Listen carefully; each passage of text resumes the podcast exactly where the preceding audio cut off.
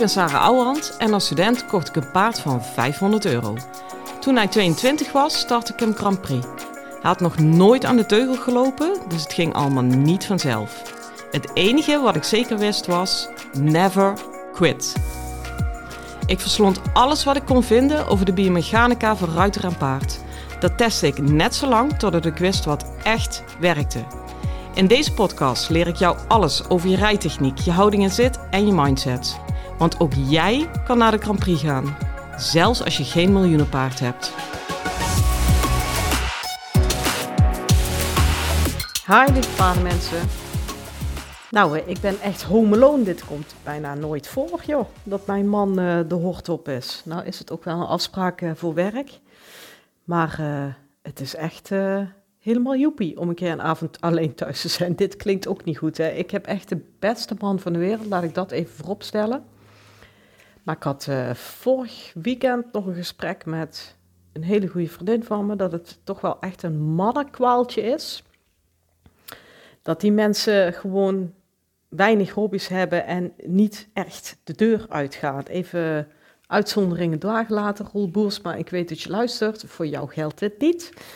Maar uh, het gros van de mannen is toch wel redelijk uh, honkvast. Nou, die van mij is eindelijk een keer een avond de deur uit. Dus ik zeg, brand maar los op Netflix, met alle vrouwenseries. Maar natuurlijk helemaal niet voordat ik de dag heb afgesloten met jullie. En waar ik het eigenlijk nog een keer over wilde hebben, dat kwam vandaag in de praktijk en in mijn eigen rijden ook weer heel duidelijk naar voren, is het appiëment en wat er eigenlijk allemaal wel niet bij komt kijken. Dat is echt heel erg veel, dat vind ik uh, ook super fascinerend uiteraard. Daardoor blijf ik die oefening op een bepaalde manier ook moeilijk vinden. Um, ik weet nog, dat bedenk ik me nu ineens, dat volgens mij reek toen L1 of zo. En dat ik echt tegen iemand zei: nee, maar als ik ooit kan appiëren, ja, dan hoef ik gewoon helemaal niks meer. Ik weet gewoon zeker, ja, dat vind ik zo fantastisch. Meer hoef ik niet mee te maken op een paard. Nou, uh, een Grand Prix-klassering later kijk ik daar wel iets anders tegenaan. Maar ik snap wel nog steeds wat me nog zo ontzettend enthousiast maakt over een appiëment. Want er is gewoon, als het lukt, is het zo'n magisch gevoel, want je wordt gewoon echt meegenomen vanaf de buitenkant naar binnen toe. En als het echt lukt, dan betekent het ook dat je in het midden van het zadel zit en dus niet links of rechts ingeknikt. Ja, en dan kom je toch wel erg dicht in de buurt van zweven. Het appiëment staat voor mij echt op stip op nummer 2. Nummer 1 blijft voor mij toch wel de passage, maar goed, daar kom ik dan later misschien nog wel een keer op terug. Maar laten we dat appiëment nog een keer uitpluizen. Dat heb ik in podcast 38 ook al gedaan. Maar ja, weet je, alsof je met één podcast dekkend kunt praten over het appiëment en anders hoor je een stukje herhaling. Nou, als iets niet verkeerd is, dan is het dat. Want ik heb ook gemerkt, ja, weet je, hoe vaak heb ik het appiëment al wel niet herhaald in mijn eigen rijden en uitgelegd aan een ander. En het blijft echt tot iedere komma dat ik denk, ja, dit nog een beetje, dat nog een beetje. Maar goed, even uit mijn eigen fascinatie, even naar de theorie. Want waar begint een goed appiëment? En nog belangrijker, hoe verbeter je het? Nou, weet je, wat eigenlijk iedereen doet, dat zei ik ook in podcast 38, die knalt zichzelf en dus het paard het appiëment in. Eigenlijk, weet je, ik ga het hebben over een appiëment naar links toe. Dus je zit op de linkerhand en je wil vanaf de hoefslag naar binnen toe appiëren. Nou, vaak wordt dat vertaald als men werpen het paard en ruiter naar binnen toe. Dan knalt hij natuurlijk finaal door die binnenkant heen. En dan ga je terug zitten wringen, zodat je ongeveer in het midden komt en dat hij toch nog genoeg zijwaarts is en oh ja, impuls behoudt. Nou ja, weet je, als ik het zo al zeg, dan hoor je al gewoon hoeveel compensatie daarin zit. En ja, als je een beetje flegmatiek paard hebt, dat heb ik ook, ja, dan pak maar in met je impuls. En als je in de subtop komt, dan pak maar in met je tweede draf. Dus dat heeft bij mij wel de noodzaak uh, teweeggebracht om dat totaal uit te pluizen. En cruciaal bij een appiëment is dat je je dus niet naar binnen werpt. En natuurlijk, weet je, als je met appiëren bezig bent, dan ben je inmiddels wel op een niveau dat je niet meer plat door de bocht gaat. Dat snap ik ook wel. Ehm, maar het is een veel subtielere manier van naar binnen werpen. Het gaat bij mij dan weer om de middenhand, om de romp van het paard. Daar werk ik sowieso gruwelijk veel mee. Want als je die romp goed uitlijnt en goed kunt bewerken, dan volgen de benen vanzelf. Um, dus het is zaak bij het appiëment naar links toe dat die romp niet te veel tegen je linkerbeen aankomt. Ja, want dat is dus het moment dat hij op die binnenschouder valt. En dat is dus het moment waarop je denkt, ja shit, nou, nou wordt hij te plat of hij schaart te weinig. Dat gebeurt er dan ook. En dan ga je terug zitten wringen. Dus de kunst van het appiëment is om recht te blijven in in dit geval de linkerbuiging. En dat is wat een appiëment moeilijk maakt. Ehm, ik gaf het al aan, begin met bij een appiëment. Ik gaf het al aan in podcast 38, dat bedoel ik nog niet nu. Maar begin met een appiëment met het rijden van een rechte lijn, waarop je linkerbuiging hebt en nog steeds in het midden van je zadel kan blijven. Jongens, geloof me, dat is echt, echt al een vak apart. Voordat je dat voor elkaar krijgt, bent, ja, en, en voor elkaar hebt en goed bevestigd hebt, ben je makkelijk een week, en dan zet ik laag in, eigenlijk twee weken verder. Maar ik wil je echt op het hart drukken, investeer daarin. Want als die dat kan, dan heb je pas voorwaarden om een goed appartement te kunnen rijden. Kijk, dan is daarna de uitdaging om die linkerbuiging met rechtheid in jouw zadel zitvlak te behouden als hij ook nog moet scharen. Dan wordt hij natuurlijk nog een keer extra uitgedaagd om zijn romp niet naar links te kwakken. Maar dat komt daarna. Als jij het op een rechte lijn nog niet voor elkaar krijgt, ja, natuurlijk lukt dat niet als je er ook nog bij gaat scharen. En, en dan blijft een appartement ook moeilijk, snap je? Dus dat is echt wel een herhaling en het verlengde van de vorige podcast. Begin daarmee. En wat heel interessant daarbij is, ik hoop met heel mijn hart dat je spiegels hebt thuis. Dat je dat doet terwijl je op een spiegel afgrijdt. Want dan zie je precies wat er in de schouders en in de romp gebeurt, waardoor de paard niet op die rechte lijn blijft lopen in de linkerbuiging. Nou, en als ik het dan heel kritisch zeg, dan ben je dus weer aan het verbuigen en niet aan het buigen. Maar goed, als je dan voorbeduurt op dat stukje, nou, stel, we gaan even van het gunstigste scenario uit. Je kan op een rechte lijn op een spiegel afrijden het liefst. Linkerbuiging, je moet al best wat, echt wel wat diepere stelling aan kunnen nemen, terwijl hij nog steeds recht blijft, ook in de schouderverdeling. Dus wat je eigenlijk wil, is dat hij die linkerschouder, of die linkerstelling, sorry, niet vertaalt als het gaan hangen op een van de schouders. In dit geval op de linkerschouder. Nou, als je dat voor elkaar hebt en goed bevestigt, dan kun je ervoor kiezen om er daarna een appiëment voor te maken. Maar ik heb deze week bij die van mij iets ontdekt wat het nog veel sterker maakt. Dus ik dacht, ik gooi hem meteen in de groep. Um, als je dan ook nog een tussenstap inroostert door gebogen op een rechte lijn te gaan schakelen. Ja, dan wordt die, dat is eigenlijk een beetje de voorloper op recht doorlopen en scharen. Want dat schakelen, dat vraagt al veel meer coördinatie van de benen. En dus wordt hij al veel meer uitgedaagd om zijn lichaam op een van de schouders te werpen of die romp naar binnen te gooien. Het is maar net hoe je dat ziet, hè. En ook voor je eigen handigheid, want op het moment dat je gaat schakelen, en dan moet je een beetje scherp durven schakelen, dat je echt risico neemt dat het juist misgaat, um, en geheid dat het in het begin misgaat, dan leer je ook heel snel in te grijpen op die buiging, op het herstel van die buiging. Ehm, en dat is precies wat je nodig hebt in een appiëment. Want als jij als hij afzet naar links toe, om die schaarbeweging naar links toe te gaan maken, dus één pas dieper naar binnen, En eigenlijk, ja jongens, we hebben het over split seconds, hè. Als je halverwege die pas al voelt van, oh, die gaat door dat binnenbeen heen vallen. Eigenlijk moet je in dat zweefmoment al een correctie aan kunnen brengen. Dan onderhoud je het appartement zonder dat je die impuls blokkeert. En dat, dat train je jezelf, die snelheid en vooral die handigheid, als je dus op die rechte lijn gebogen gaat schakelen.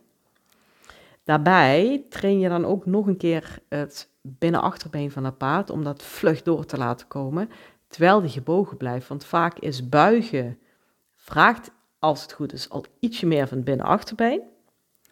Nou, heeft hij daar handigheid en stabiliteit in, dan vraagt schakelen daarin nog meer van het binnenachterbeen. En ook daar moet hij of zij, wat je ook rijdt, opnieuw handig en sterker in worden. Nou, en daarna komt pas, wat mij betreft, maar wie ben ik?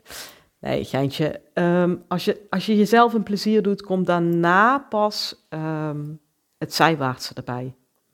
Want dan heb je al zoveel stapjes ertussen gezet en ben je al zoveel gegroeid en je paard ook in coördinatie en handigheid.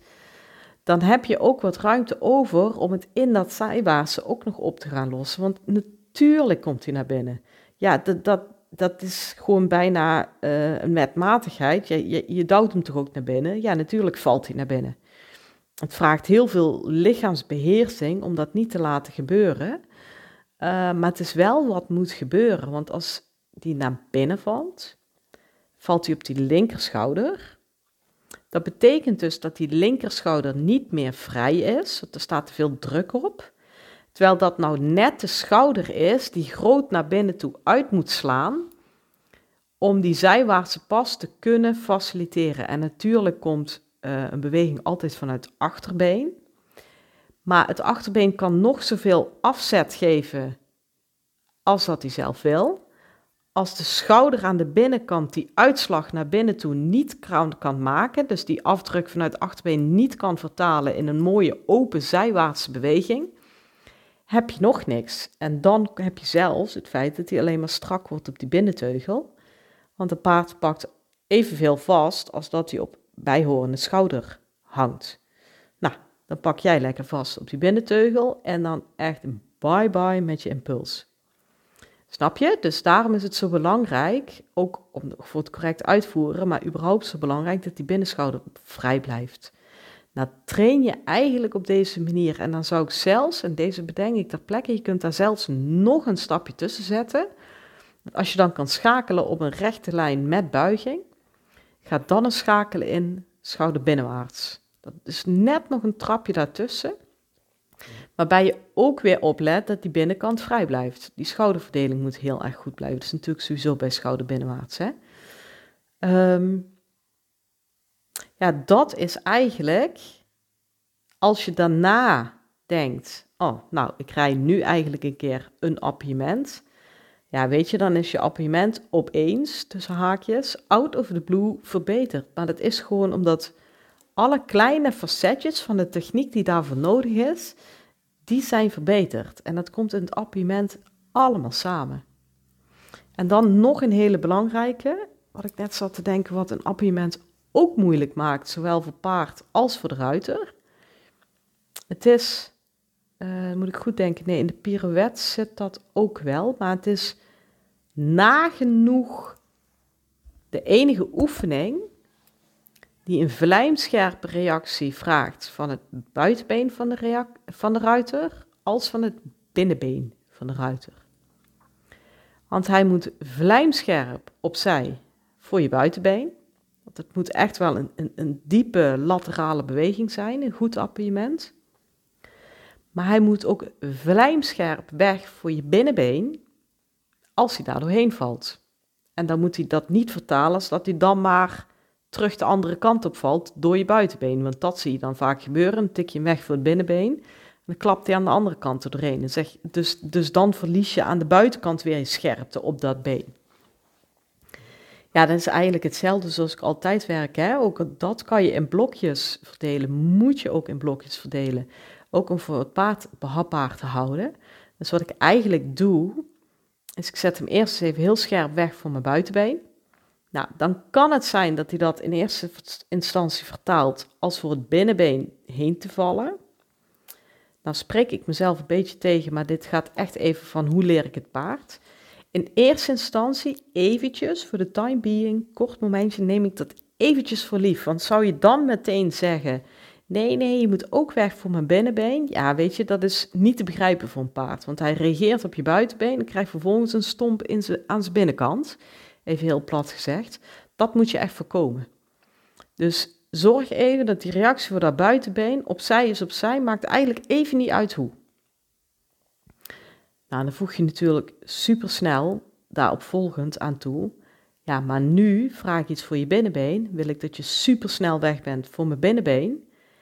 En in eerste instantie maakt het ook even niet uit hoe. Je moet die hulpen even uit elkaar halen om ze later te kunnen gaan combineren. Want zo leg je het een paard uit. Dus je zet een vlijmscherp weg voor je buitenbeen, dan rij je even door en daarna doet je buitenbeen is totaal passief. Zet je hem weg voor je binnenbeen en je kunt dan zelfs ervoor kiezen dat je van het appiëment maakt dat je terugwijkt voor je binnenbeen. Dus dat je eigenlijk uh, speelt tussen appiëren en het wijken, zo haal je die uit elkaar. En als je naar binnen toe gaat, appieert, ben je even heel erg alert op de buitenbeen komt daar voldoende reactie op. En als je terugwijkt, wil ik dat die instant acuut terugwijkt voor dat binnenbeen. Nou, als je dat, daar grote reacties hebt en dat zo uit elkaar hebt gehaald, ja, dan kun je dat dichter bij elkaar gaan brengen. En dan, weet je, waar het eerst gewoon, je geeft buitenbeen klats, hij valt naar binnen een paar passen, klats, hij wijkt terug een paar passen. Ja, dat ga je natuurlijk nuanceren en dichter bij elkaar brengen. Dus dan kun je ervoor kiezen dat je bijvoorbeeld uiteindelijk er naartoe werkt. Ja, eerst was het 5, 6 passen. Dan zeg je oké, drie passen appuiement, drie passen wijken. Dan wordt het twee passen appuiement, twee passen wijken. Dat, dat, omdat het sneller op elkaar zit, komen die hulpen ook dichter bij elkaar en vraagt het nog meer reactievermogen van zowel jou als je paard. Ja, en dan uiteindelijk uh, werk je toe dat je dat ja, tegelijk is het nooit. Want je moet natuurlijk nooit tegelijk buitenbeen en binnenbeen geven. Maar heel veel tijd zit er niet meer tussen. Dat is zijn echt dat is een halve pas. Want ik, ja, dat is het. Dat zeg ik eigenlijk wel goed. Je zet hem opzij voor je buitenbeen. Dan voel je het zweefmoment komen. En eigenlijk in het begin van het zweefmoment, dus bij het afzetten, geef je buitenbeen. Dan zeg je die kant op. En net voor de landing kom, tik ik een keer met mijn binnenbeen, zeg je ja, maar niet er doorheen.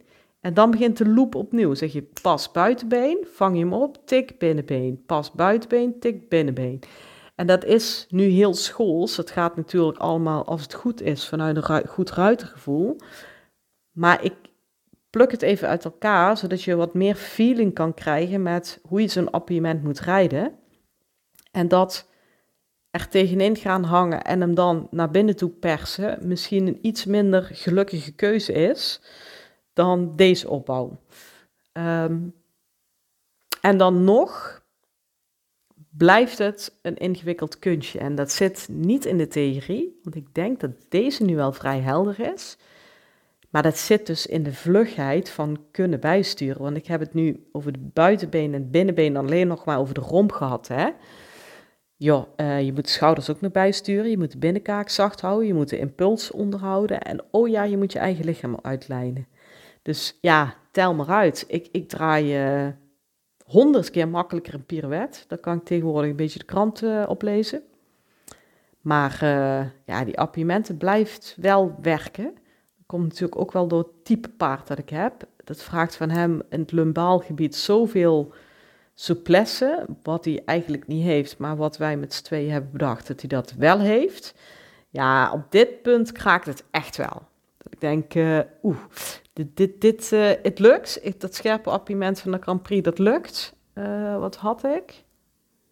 Zes, zes en half? Nee, zeven heb ik denk ik niet gered. Maar goed, weet je, ik hang de vlag uit met een zes en half. maar dat komt dus door deze complexheid. En um, ja, maakt het wel heel leuk. Maakt wel dat ik, hoe, hoeveel jaar ben ik er nou mee bezig om het te verbeteren?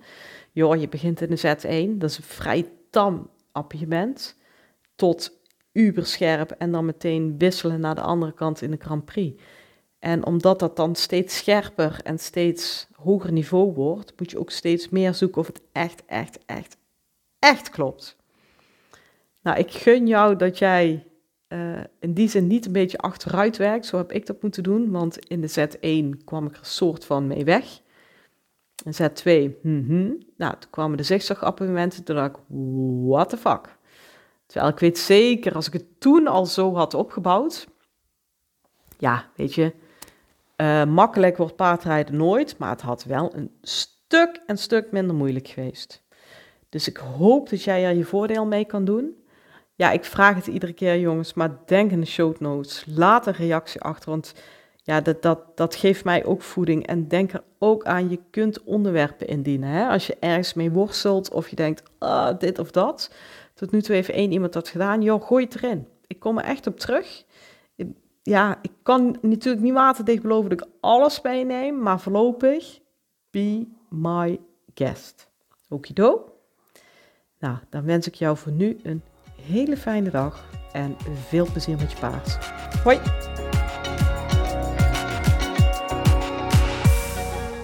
Lieve ruiters, dit was hem weer voor vandaag.